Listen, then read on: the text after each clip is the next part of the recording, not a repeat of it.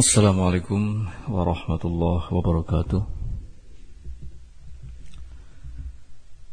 إن الحمد لله نحمده تعالى ونستعينه ونستغفره ونعوذ بالله من سرور أنفسنا وسيئات أعمالنا من يهده الله فلا مضل له ومن يضلل فلا هادي له أشهد أن لا إله إلا الله وحده لا شريك له وأشهد أن محمدا عبده ورسوله. يقول الله سبحانه وتعالى في كتابه الكريم يا أيها الذين آمنوا اتقوا الله حق تقاته ولا تموتن إلا وأنتم مسلمون. يا أيها الناس اتقوا ربكم الذي خلقكم من نفس واحدة وخلق منها زوجها وبث منهما رجالا كثيرا ونساء واتقوا الله الذي تساءلون به والأرحام. إن الله كان عليكم رقيبا. يا أيها الذين آمنوا اتقوا الله وقولوا قولا سديدا يصلح لكم أعمالكم ويغفر لكم ذنوبكم. ومن يطع الله ورسوله فقد فاز فوزا عظيما. أما بعد. فإن أصدق الحديث كلام الله تعالى وخير الهدي هدي محمد صلى الله عليه وعلى آله وسلم وشر الأمور محدثاتها فإن كل محدثة في دين الله بدعة وكل بدعة ضلالة وكل ضلالة في النار Ikhwati fillah rahimani wa rahimakumullah kaum muslimin yang dimuliakan Allah Subhanahu wa taala. Pada kesempatan pagi hari ini kita akan melanjutkan kembali kajian dari kitab Bulughul Maram karya Al-Hafidh Ibnu Hajar membahas Kitabul Jami' yang kemudian diuraikan oleh Fadilatul Syekh Al-Allamah Abdul Aziz bin Baz rahimahullahu taala.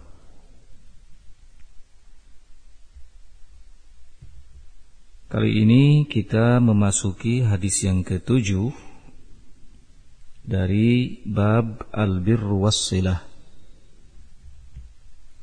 Hadis yang ketujuh yang dimaksud adalah sebuah hadis yang dibawakan oleh sahabat Abdullah bin Amr ibn al-As. Kita baca terlebih dahulu isi hadisnya. Qala rahimahullahu taala wa an Abdullah ibn Amr ibn al-As radhiyallahu taala anhuma anna Rasulullah sallallahu alaihi wa ala alihi wasallam qala Minal kabairi syatmur rajuli walidayhi Qila wa hal yasubbu ar-rajulu walidayh? Qala na'am. Yasubbu abar rajuli fayasubbu ar-rajulu abahu. Wa yasubbu ummahu fayasubbu ummahu. Muttafaqun alaih. Al-Hafidh Ibn Hajar Al-Asqalani rahimahullah mengatakan diriwayatkan dari Abdullah bin Amr ibn al-As radhiyallahu taala anhumah bahwasanya Rasulullah sallallahu alaihi wa ala alihi wasallam bersabda termasuk dari dosa besar seseorang mencaci maki kedua orang tuanya.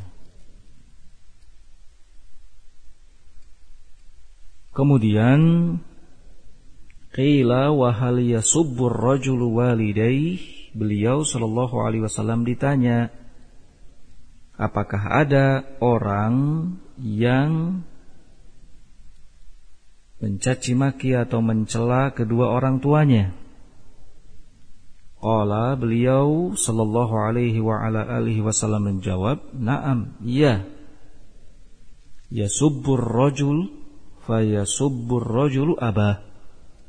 Yasubbu abar rajul fayasubbur rajulu abah. Yaitu seseorang mencela ayah temannya.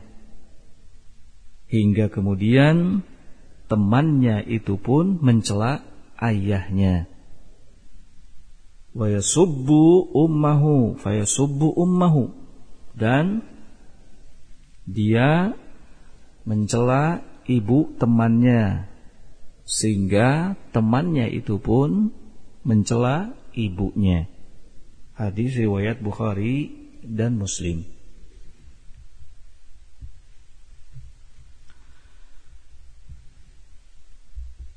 Syekh Al-Allamah Abdul Aziz bin Baz rahimahullahu taala mengatakan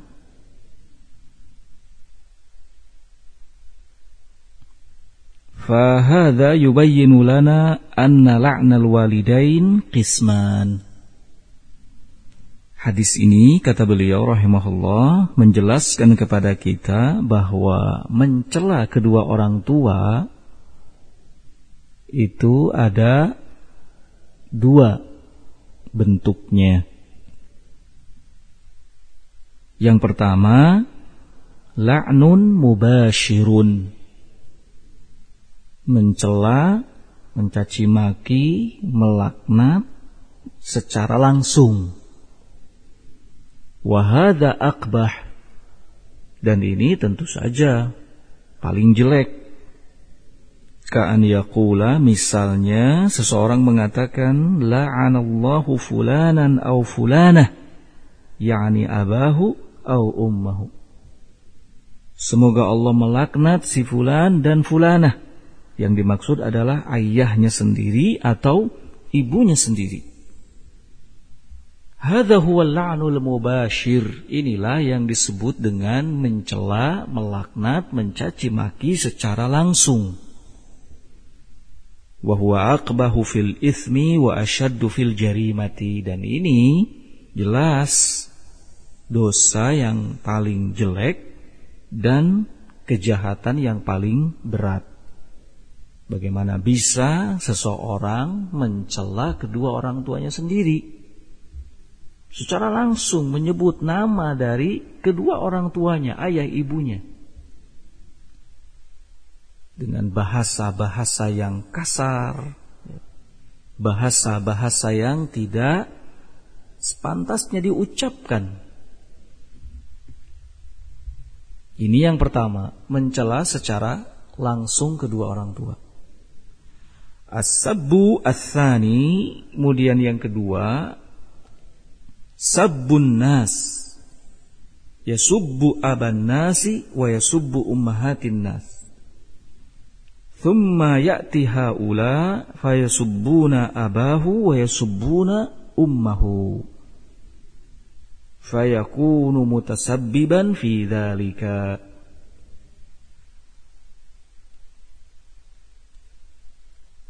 Yang kedua, as-sabbuthani sabbun nas.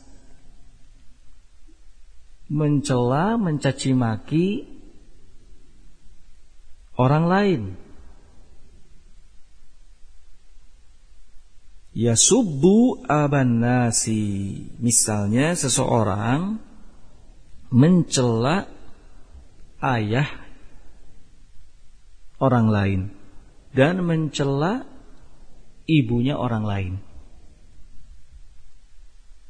Thumma ya'ti haula fayusubbuna abahu wa yasubbuna ummah. Kemudian mereka yang dicela ayahnya atau ibunya itu balas mencela ayahnya dan mencela ibunya. Fayakunu mutasabbiban fi sehingga seseorang tadi yang mencela ayah ibu orang lain itu menjadi sebab dicelanya ayah dan ibunya sendiri. Nah, jelas ya, ini tidak secara langsung. Kalau yang pertama secara langsung seseorang langsung mencela ayah dan ibunya. Kalau yang kedua enggak. Kalau yang kedua dia mencela ayah dan ibu temannya. Ayah dan ibu orang lain. Hingga kemudian temannya atau orang lain itu balas mencela ayah dan ibunya.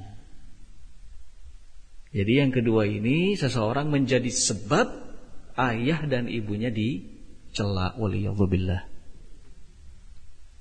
Dalam kehidupan sehari-hari sering kita temui seperti ini.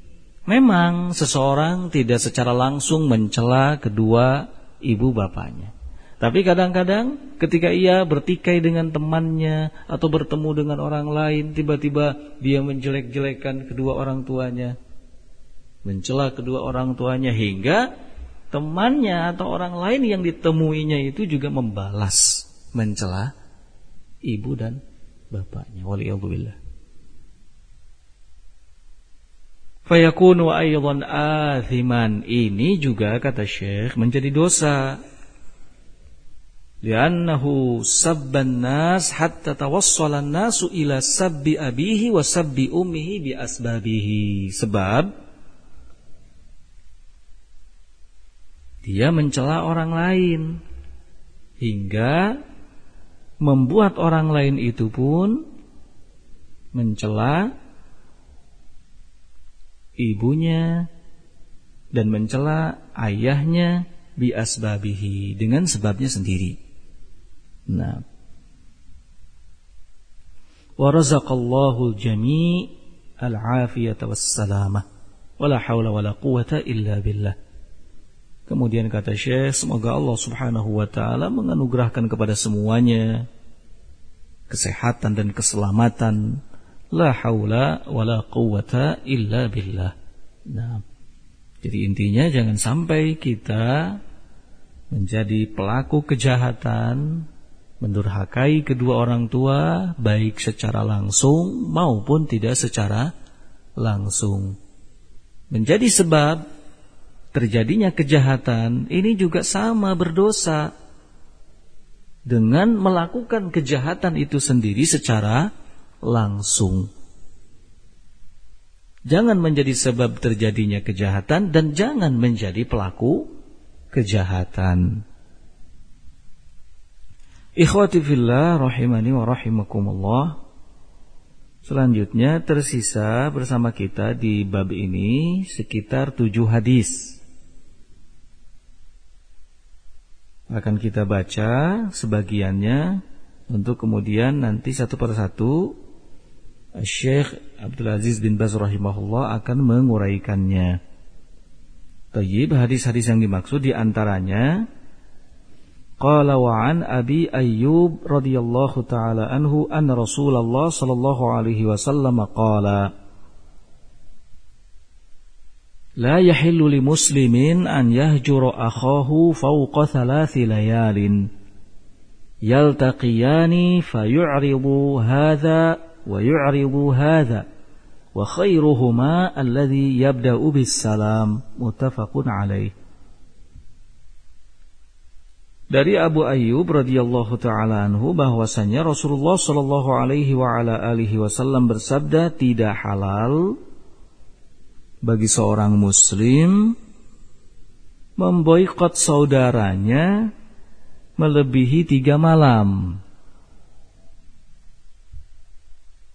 Hingga saat keduanya berjumpa yang ini berpaling dan yang itu juga ikut berpaling dan yang paling baik dari keduanya, kata Nabi alaihi wassalam adalah yang memulai mengucapkan salam muttafaqun alaih. Hadis riwayat Bukhari dan Muslim. Qala wa an Jabirin radhiyallahu taala anhu qala qala Rasulullah sallallahu alaihi wa ala alihi wasallam kullu ma'rufin sadaqah akhrajahu al-Bukhari. Dari sahabat Jabir radhiyallahu taala anhu, Rasulullah shallallahu alaihi wasallam bersabda, setiap kebaikan itu adalah sedekah. Hadis dikeluarkan oleh Imam Al-Bukhari. Kemudian berikutnya wa an Abi Dzar radhiyallahu taala anhu qala qala Rasulullah sallallahu alaihi wasallam la tahqiranna minal ma'rufi syai'a walau an talqa akhaka biwajhin talqin. Dari sahabat Abu Dhar radhiyallahu taala anhu Rasulullah sallallahu alaihi wasallam bersabda jangan sekali-kali kamu meremehkan kebaikan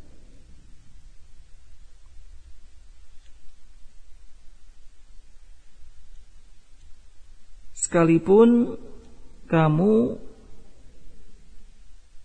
ketika berjumpa dengan saudaramu dengan wajah yang berseri ini mengandung kebaikan. Jangan diremehkan. Dan hadis lainnya. Kita baca dulu uraian yang disampaikan oleh Syekh Abdul Aziz bin Baz rahimahullahu taala. Beliau mengatakan hadhil ahadithu as-sab'ah kulluha tata'allaqu bil birri was silah kama tarajjama al-muallifu. Tujuh hadis ini sisa dari bab tentang albir wasilah semuanya berhubungan dengan albir berbuat kebajikan wasilah dan menyambung hubungan sebagaimana hal itu telah diungkap oleh al-muallif rahimahullah Al-hadithu al-awwalu hadis yang pertama dari tujuh hadis itu maksudnya adalah hadis Abu Ayyub Al-Ansari hadithu Abi Ayyub Al-Ansari. Hadis Abu Ayyub Al-Ansari wa huwa Khalidun Ibnu Zaid radhiyallahu taala anhu. Abu Ayyub Al-Ansari ini nama lengkapnya adalah Khalid bin Zaid radhiyallahu taala anhu. As-sahabiyyu al-jalilu al-mashhuru alladhi nazala 'indahu an-nabiy sallallahu alaihi wasallam lamma hajara ila al-Madinati seorang sahabat yang mulia, yang terkenal, yang Nabi alaihi salatu wassalam pernah singgah di tempatnya lamma hajara ilal madinati ketika beliau sallallahu alaihi wasallam hijrah ke kota Madinah. Yaqulu radhiyallahu ta'ala anhu an Nabi sallallahu alaihi wasallam annahu qala Abu Ayyub Al-Ansari radhiyallahu taala anhu meriwayatkan hadis dari Nabi Sallallahu alaihi wasallam bahwa Nabi sallallahu alaihi wasallam bersabda la yahillu li muslimin an yahjura akhahu fawqa thalathi layalin. Tidak halal bagi seorang muslim memboikot saudaranya melebihi tiga malam. Yaltaqiyani fayuridu hadha wa yuridu hadha sehingga ketika keduanya berjumpa yang ini berpaling dan yang itu pun berpaling. Wa khairuhum alladhi yabda'u bis salam dan yang paling baik dari keduanya adalah yang memulai mengucapkan salam muttafaqun ala sihatihi. Hadis ini disepakati kesohihannya dikeluarkan oleh Bukhari dan Muslim. Kemudian kata beliau rahimahullah hadzal haditsu al-jalilu wa ma jaa fi ma'nah yadullu ala tahrimit tahajuri bainal muslimin.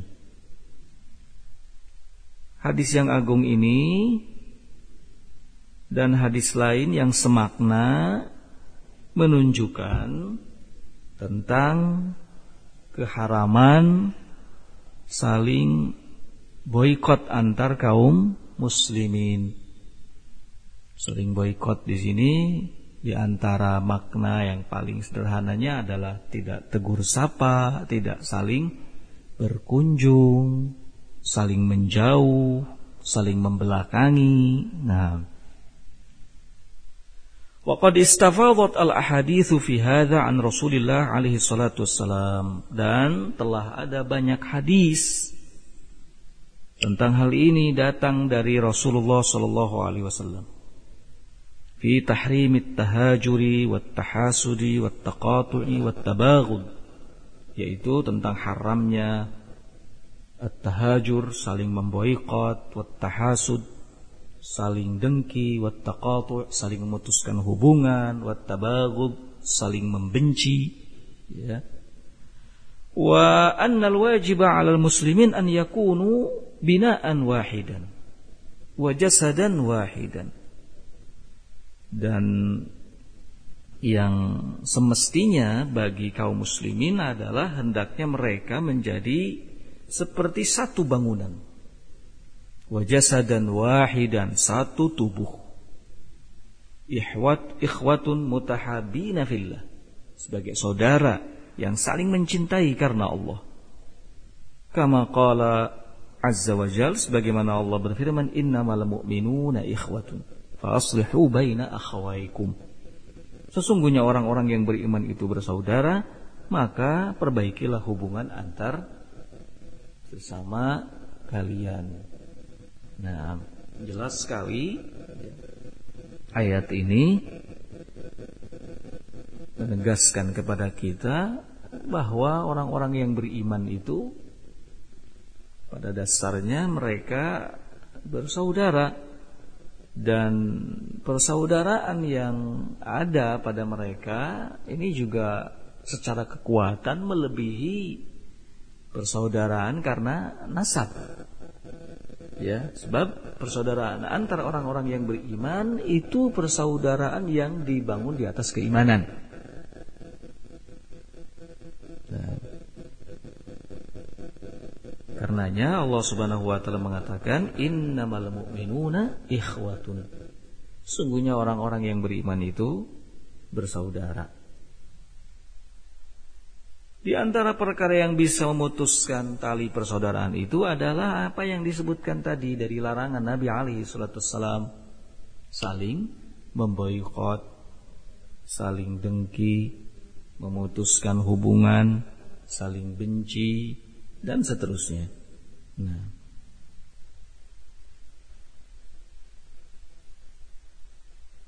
وقال صلى الله عليه وعلى آله وسلم لا تحاسدوا ولا تناجشوا ولا تبغضوا ولا تدبروا ولا يبيع بعضكم على بيع بعض وكونوا عباد الله إخوانا المسلم أخو المسلم لا يظلمه ولا يخذله Nabi Shallallahu Alaihi Wasallam juga mengatakan, janganlah kalian saling mendengki, Janganlah kalian saling menipu, ya, mencelakakan, janganlah kalian saling membenci, janganlah kalian saling membelakangi. Walayabi ba'dukum dan janganlah sebagian kalian menjual barang dagangan kepada calon pembeli ya, sebagian kalian. Wa kunu ibadallahi ikhwana dan jadilah kalian hamba-hamba Allah yang bersaudara. Seorang muslim adalah saudara bagi muslim lainnya. Ia tidak boleh memboliminya, tidak boleh juga merendahkannya. Hadis riwayat Muslim. Wa fi sahihaini min hadis Ibnu Umar radhiyallahu taala anhu min Nabi sallallahu alaihi wa ala alihi wasallam annahu qala Akhul muslimi la yadlimuhu wa la yuslimuhu man kana fi hajati akhihi كان الله عز وجل في حاجته. ومن فرج عن مسلم كربة فرج الله عنه بها كربة من كرب يوم القيامة. ومن ستر مسلما ستره الله عز وجل يوم القيامة. Kemudian dalam Sahih Bukhari Muslim dari sahabat Ibnu Umar radhiyallahu taala anhu dari Nabi sallallahu alaihi wasallam beliau juga bersabda bahwa seorang muslim adalah saudara bagi muslim lainnya. Tidak diperkenankan untuk memboliminya, untuk merendahkannya. Wa kana fi hajati akhihi kana Allah fi hajatihi. Barang siapa yang membantu kebutuhan saudaranya, maka Allah akan membantu kebutuhannya. Dan barang siapa yang memberi jalan keluar kepada seorang muslim dari sebuah kesulitan, maka Allah Subhanahu wa taala akan berikan jalan keluar kepadanya dari sebuah kesulitan dari kesulitan-kesulitan pada hari kiamat. Dan barang siapa yang berusaha menutupi aib seorang muslim, maka Allah Azza wa Jal akan menutupi aibnya pada hari kiamat. Al-jaza'u min jinsil amal. Balasan selalu disesuaikan dengan jenis amalan. Kita membantu orang lain, ya, dengan penuh keikhlasan, penuh kecintaan, maka Allah Subhanahu wa taala akan berikan bantuan kepada kita. Wallah fi aunil abdi maka al-abdu fi auni akhi. Allah akan menolong seorang hamba selama si hamba itu bersemangat, giat untuk menolong saudaranya. Jadi ikhwati fillah rahimakumullah sebenarnya tidak ada yang merugikan kita saat kita harus mencurahkan tenaga, mencurahkan pikiran atau bahkan mengeluarkan biaya untuk membantu saudara-saudara kita. Enggak ada ruginya. Allah Subhanahu wa taala akan membalas setiap apa yang kita lakukan, apa yang kita curahkan apa yang kita berikan dari kebaikan-kebaikan untuk saudara kita. Jadi dalam agama ini patokannya jangan hitung-hitungan seperti matematika. Kalau jumlah tertentu dikurangi, jumlah tertentu bisa berkurang. Enggak, beda. Ya. Kalau dalam agama kebaikan itu nggak bisa dihitung dan jangan menghitung-hitung kebaikan. Karena Allah Subhanahu wa taala akan melipat gandakan balasannya. Ya. Qala wa rawa Muslimun an Anas Ibnu Umar wa Abi Hurairah nahwu hadha uh, nahwu hadis Abi Ayyub radhiyallahu taala anhum fi tahrimi al-hajri fawqa thalath. Imam Muslim juga kata Syekh meriwayatkan dari sahabat Anas, dari sahabat Ibnu Umar, dari sahabat Abi Hurairah nahwa hadis Abi Ayyub radhiyallahu taala anhu yang semisal dengan hadis Abu Ayyub radhiyallahu taala anhu. Tentang apa? Fi tahrimil hajri fawqa.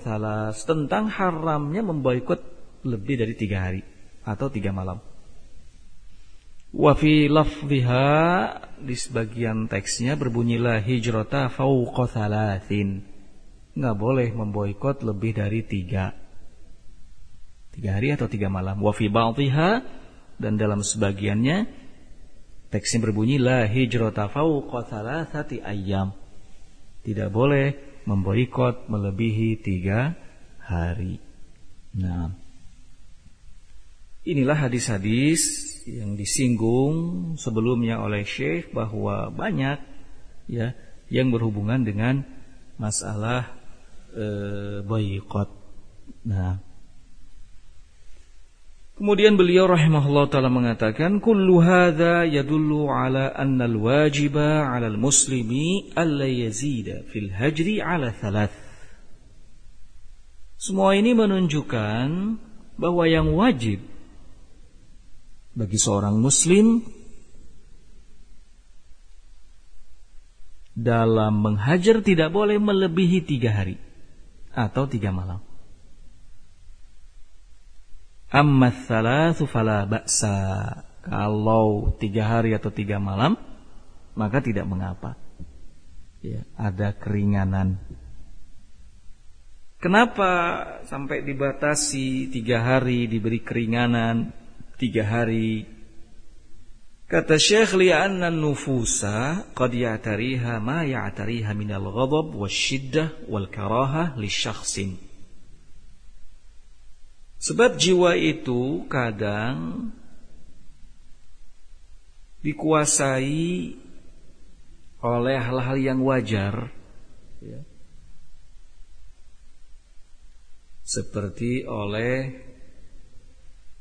kemarahan, sikap keras, dan kebencian kepada seseorang. Bisa babil mati oleh sebab pertikaian. Kalau kita berselisih ya, dengan teman kita, ya secara naluri jiwa ini merasakan kekesalan kepadanya. Dan itu lumrah siapa pun nggak bisa lepas dari hal ini. Ya, jadi adanya kebencian kadang-kadang, adanya ketidaksukaan, adanya sikap kaku kepada seseorang, ya, itu bisa terjadi oleh sebab al khusumah pertikaian, awil mudharabati atau pukulan. Ya aw ayyi udwanin atau permusuhan dalam bentuk apa pun. Fayas'abu alaihi an yukallimahu sehingga membuat ya, seseorang itu sulit untuk mau bicara dengannya dengan temannya. Nah Kita pun males kan ketika bertikai dengan seseorang, selisih paham dengan seseorang, karena jiwa ini udah dikuasai oleh rasa ketidaksukaan, akhirnya males ngomong dengannya. Ketika jumpa, ya boro-boro mau salam. Bahkan berusaha untuk menghindar, jangan sampai berpapasan, kan begitu. Nah, Wah, subhanallah ini adalah keringanan yang diberikan oleh syariat kepada kita bentuk kasih sayang Allah Azza wa Jal. Bentuk kasih sayang Rasulullah sallallahu alaihi wa ala alihi wasallam. Ini juga sebagai satu bukti bahwa Allah dan Rasulnya memberikan perhatian terhadap yang namanya perasaan manusia. Artinya dalam bergaul, dalam bermuamalah kita harus memperhatikan perasaan orang lain. Jangan sampai seenaknya melakukan tindakan, ucapan, ya. Nah. Qala famin rahmatillahi azza wa jalla an abaha al-hajra thalathata ayam. Maka termasuk dari kasih sayang Allah azza wa jalla Allah membolehkan melakukan pemboikotan selama tiga hari. Nah, melakukan pemboikotan selama tiga hari hatta yakhifa ma fin nufus hingga apa yang ada dalam jiwa itu menjadi ringan ya. Minat ta'athur yaitu dari pengaruh bi khusumatin pengaruh pertikaian au mudharabatin atau pukulan au masabatin atau celaan au nahwi dzalika atau semisal itu.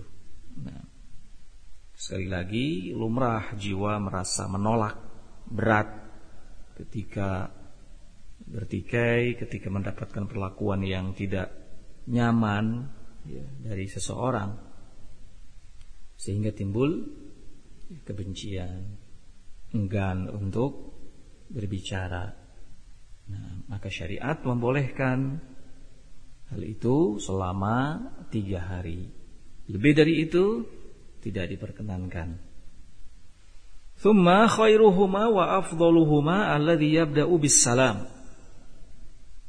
Kemudian kata Syekh yang paling baik dari keduanya dan yang paling utama adalah yang memulai mengucapkan salam. Misalnya setelah tiga hari, ya yang paling baik dari keduanya, kedua pihak yang bertikai yang sedang bermusuhan itu adalah yang paling duluan mengucapkan apa? Salam. Ya, melerai permusuhan, menghilangkan dendam dan kebencian.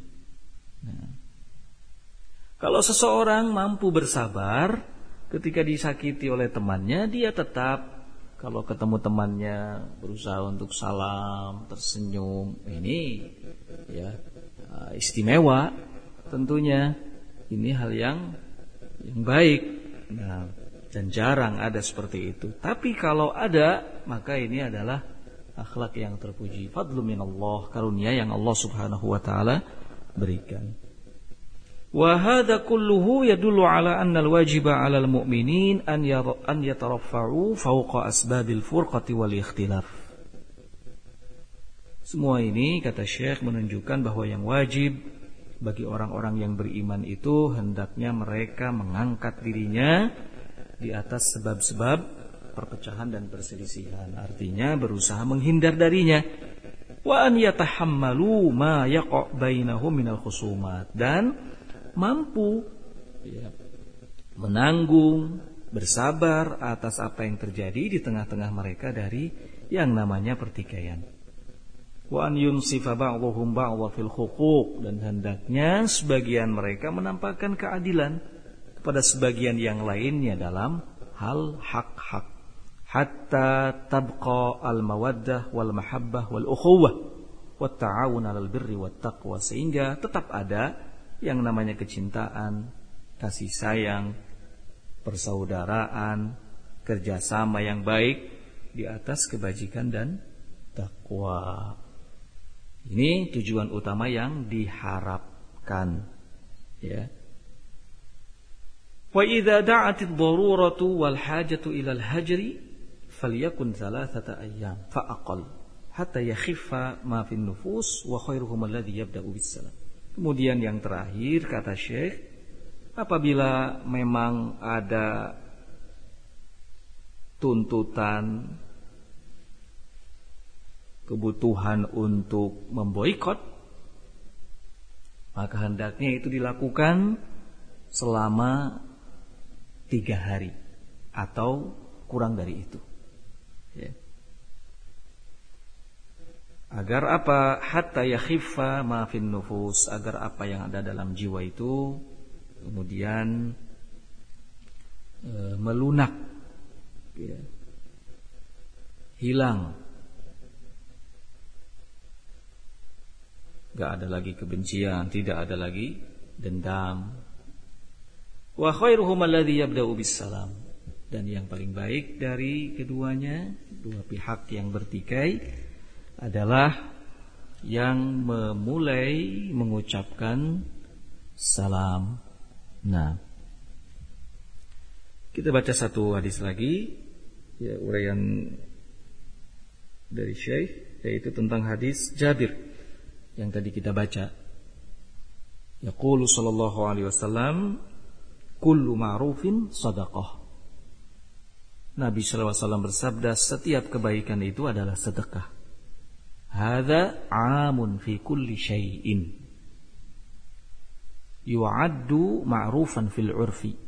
Hadis ini bersifat umum meliputi segala sesuatu yang dianggap kebaikan secara urf, secara kebiasaan.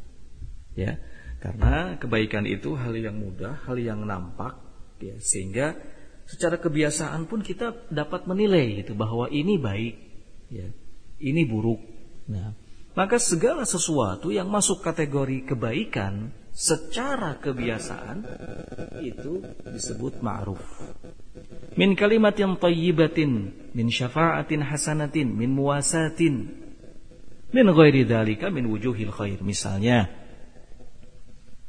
berupa kata-kata yang baik, ya, kata-kata yang baik, min syafa'atin hasanatin, rekomendasi yang baik, kemudian juga muasatin, ya, sikap apa, e, memberi kemudahan, nah, kenyamanan, dan selain itu dari bentuk-bentuk kebaikan.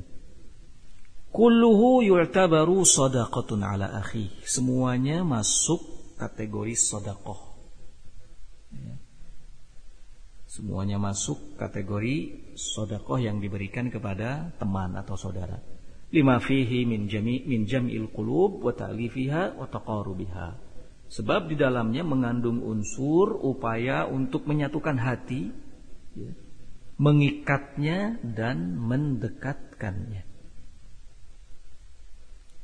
Hakadha rawahu al-Bukhari min hadisi Jabir radhiyallahu taala anhu. Demikianlah diriwayatkan oleh Imam Al-Bukhari hadis ini dari sahabat Jabir wa rawa Muslimun mithlahu min hadithi Khudzaifah radhiyallahu taala anhu. Imam Muslim juga meriwayatkan hal yang sama serupa dengannya namun dari hadis Khudzaifah. Lafadznya adalah kullu ma'rufin sadaqah. Tiap-tiap kebaikan adalah sedekah. Fal matnu muttafaqun alaih. Maka secara matan ada kesepakatan sama antara Bukhari dan Muslim. Wassahabiyyu mukhtalifun. Sedangkan sahabatnya berbeda. Kalau di Sahih Bukhari sahabatnya Jabir yang membawakan hadis ini, kalau di Sahih Muslim sahabatnya Hudzaifah. Ya, fa ingda Muslimin as-sahabiyyu Hudzaifah radhiyallahu taala anhu wa ingdal Bukhari as-sahabi huwa Jabir radhiyallahu taala anhu. Di Sahih Muslim sahabatnya adalah Hudzaifah dan di Sahih Bukhari sahabatnya adalah Jabir radhiyallahu taala anhuma. Ikhwati fillah rahimani wa rahimakumullah. Nampaknya kita cukupkan dulu pertemuan kita pada pagi hari ini.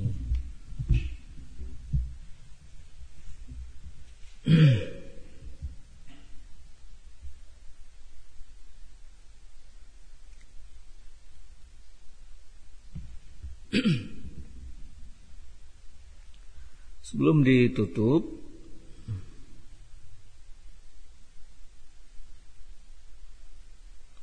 Ada beberapa pertanyaan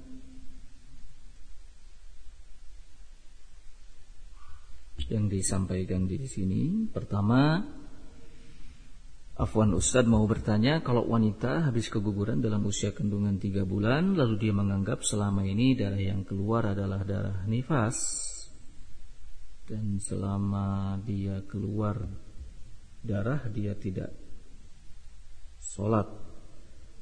Kejadiannya ini sudah hampir tiga bulan yang lalu. Apakah sholatnya harus di kolok? Nah, Eh, darah yang keluar dalam kondisi yang seperti ini memang masuk kategori darah fasid. Ya. Jika memang tidak mengetahui ya secara hukum hal tersebut, maka tidak mengapa, ya. tidak mengapa, tidak di kodok namun ya beristighfar bertaubat kepada Allah Subhanahu wa taala. Karena kejadiannya sudah lama dan ya sangat sulit untuk bisa menghitungi secara pasti jumlah sholat yang ditinggalkannya.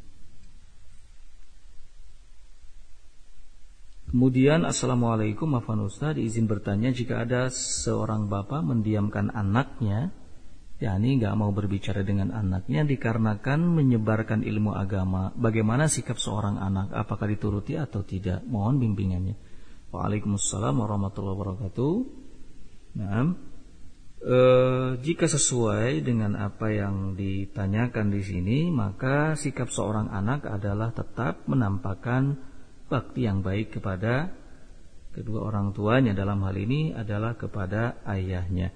Adapun apa yang dilakukannya dari menyebarkan ilmu agama maka tetap harus dia lakukan dan tidak perlu menghentikan kegiatannya menyebarkan ilmu agama hanya karena ada kebencian ketidaksukaan ya, dari e, orang tua atau dalam hal ini ayah namun sekali lagi dalam urusan-urusan dunia hendaknya tetap menjalin hubungan dengan baik Jangan sampai sikap ayah tadi menyebabkan tidak e, berbakti dalam urusan dunia.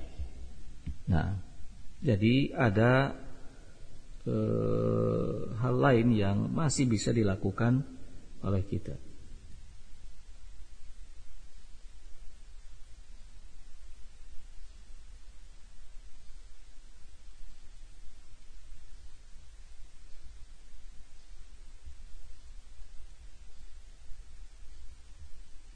Assalamualaikum Afan izin bertanya Ustaz apakah haram uang yang dihasilkan dari pencarian poin menonton iklan pada sebuah aplikasi? Jazakallah ya Waalaikumsalam warahmatullahi wabarakatuh. Nah soal haram dan tidaknya mungkin lebih ke bagaimana ya, sistem dari apa yang disebutkan di sini. Intinya ya kalau eh, apa yang ditonton itu hal yang haram, ya tentu saja itu berpengaruh pada penghasilannya. Nah,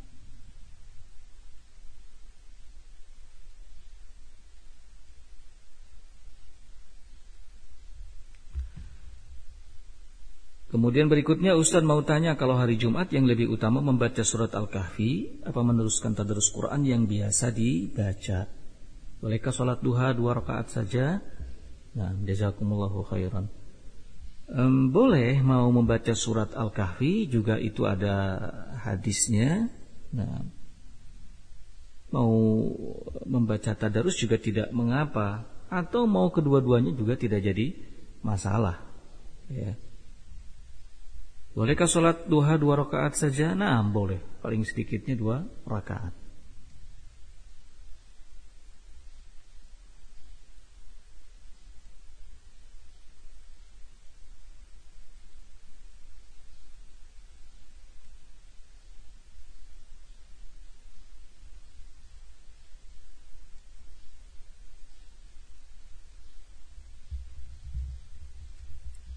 Bolehkah memboikot seseorang karena telah memfitnah kita dan menjelek-jelekan kita di belakang? Nah, ya ini seperti yang tadi disampaikan bahwa kadang jiwa nggak bisa dibohongi, merasa berat, kecewa, benci ya kepada seseorang yang ya telah melakukan sebuah kejahatan kepada kita dan kita tahu apa yang dilakukannya. Maka paling tidak ya tiga hari kita masih diberi udur boleh untuk memboikotnya. Nah,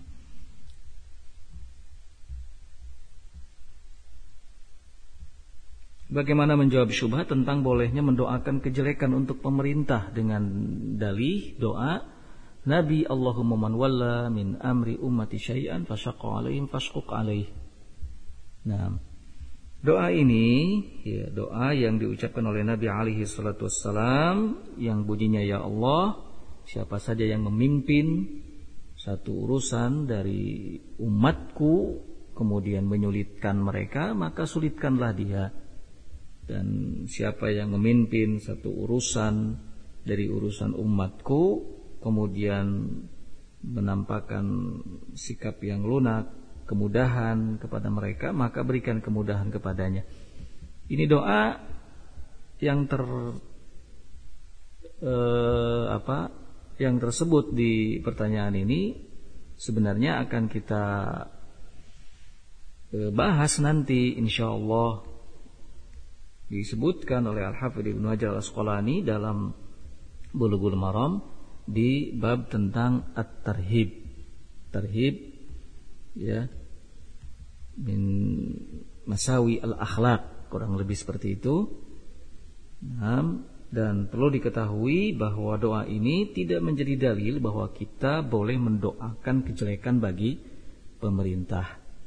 Apa yang disebutkan di dalam hadis ini adalah Eh, sebagai sebuah ancaman dari Nabi alaihi salatu kepada siapa saja yang saat memimpin satu urusan kemudian menyulitkan ya orang-orang di dalamnya.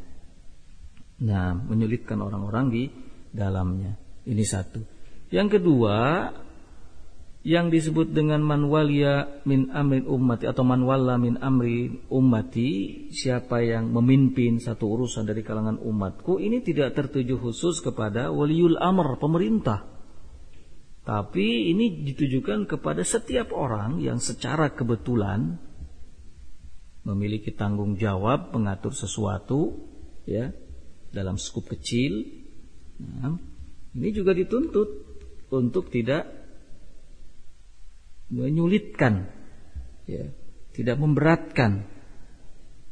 Jadi sekali lagi yang dimaksud dengan siapa yang memimpin satu urusan di sini tidak tertuju khusus kepada pemerintah ya penguasa tapi secara umum berlaku. Nah, oleh karena itu apa yang disampaikan oleh Nabi alaihi wasallam ini sebagai upaya nasihat kepada kita kepada semuanya termasuk pemerintah untuk senantiasa memberi kemudahan ya, kepada siapa saja yang kita pimpin dalam satu urusan atau kalau pemerintah berarti memberikan kemudahan kepada rakyat-rakyatnya dalam ya, satu urusan. Allah taala alam sebab kita cukupkan sampai di sini. Subhanakallahumma bihamdik Asyhadu an la ilaha illa anta astaghfiruka wa atubu ilaik. Walhamdulillahirabbil alamin. Wassalamualaikum warahmatullahi wabarakatuh.